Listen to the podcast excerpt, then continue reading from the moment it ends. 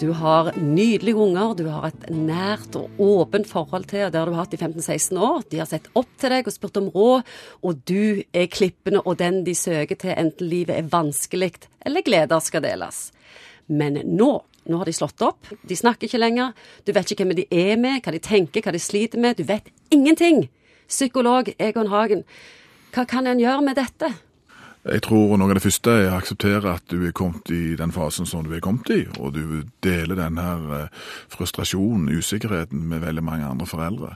Og For mange så er det sikkert nesten som en liten sånn en sorg. Det er en kjærlighetssorg. Kjærlighetssorg, ja. At de opplever at uh, fra å være sentrum, som du sier, for begivenhet og oppmerksomhet, så er du på en måte det minst interessante som er oppdriver på denne jord. Det er mulig at baksida av TV-en er enda mer uinteressante. Men hva gjør en da? Det er jo tror- viktig ja. i den alderen å vite hva tenåringen holder på med for å ha en viss kontroll. Hvem er de med, hva holder de på med? Har de begynt å drikke, eller ruser de seg, eller har de sex? Du vil gjerne vite ting. Ja, det, og du vil noe, for det handler om å være foreldre og følge opp og, sant, og se at dette går sånn noenlunde bra. Og så tenker du kanskje selv litt tilbake på egen oppvekst òg, at eh, mange ganger så var det bare flaksen som gikk, at det gikk sånn noenlunde.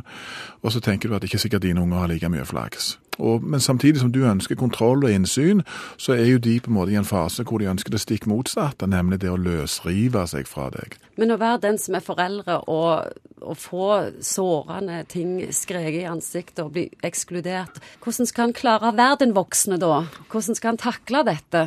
Og hvordan skal han finne ut hva som foregår med ungen sin? Det som eh, du som voksen har, har helt andre mm, forutsetninger egentlig for å containe eller bare ta vare på den, følelsen, de følelsene som kommer. Og det er ikke alltid du trenger egentlig å, å gjøre så mye med det, men du må bare tåle det. altså, Søkke det opp. altså, Sånn er det bare.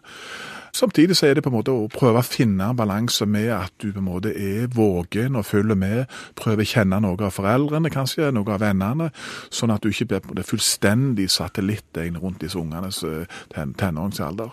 Har du råd for hvordan en skal samtale med en tenåring som er på en måte midt i den fasen? Hvordan, når du da først får sjanse til en samtale? Ja, jeg tror det, er det, det du sier der, først får få sjanse er vanvittig viktig. Og det på en måte å ha en rytmefølelse eller en musikalitet i forhold til at nå er det en anledning, å benytte de anledningene. Og hvordan skal han unngå å drite seg ut da? Du, du må jo bare formidle at du er bekymra, og at du gjerne vil hjelpe. Kanskje spørre hva, hva vil du synes var OK i forhold til Fordi at jeg tror ingenting er verre heller for ungene om de opplever at de kommer hjem sent på natt og i, kanskje har både drukket og alt dette for tidlig, og foreldrene bare ligger og sover. Jeg tror likegyldigheten er, er på en måte ikke noen løsning i det hele tatt. Så på en måte, akkurat i forhold til dette så tror jeg du kan snakke om hva, hvordan skal vi komme gjennom denne tida på en noenlunde OK måte. Du har hatt tre tenåringer sjøl. Hvordan syns du sjøl det gikk? Eh, De har blitt noen græla flotte unger, og det er sikkert eh, litt, eh, litt flaks, tror jeg. For, Beskjedent. Ja, jeg som mange andre har sikkert gjort ting som var lure, men jeg har sikkert gjort ting som ikke var fullt så lure.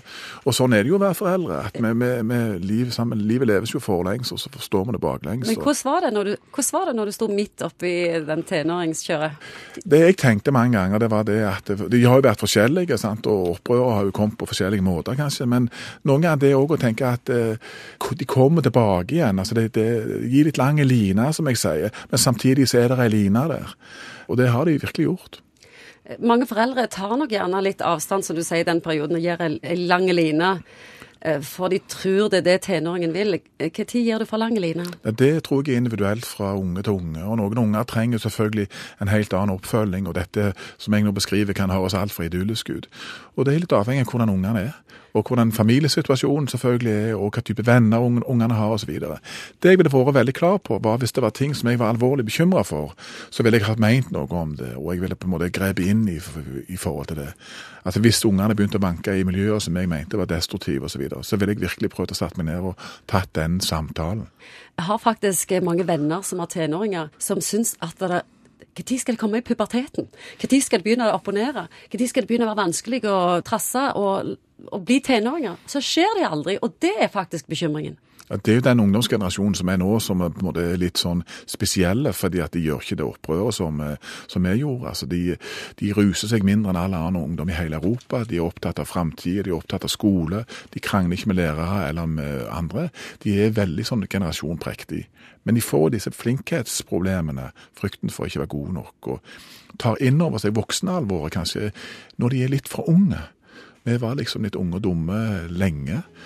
Hva tenker du da om dagens ungdomsproblemer kontra før? Prøve å gi litt mer blaffen. altså Senke skuldrene, trene seg så mentalt på å gi seg sjøl litt fri. Og ikke ta alt så fordømt alvorlig.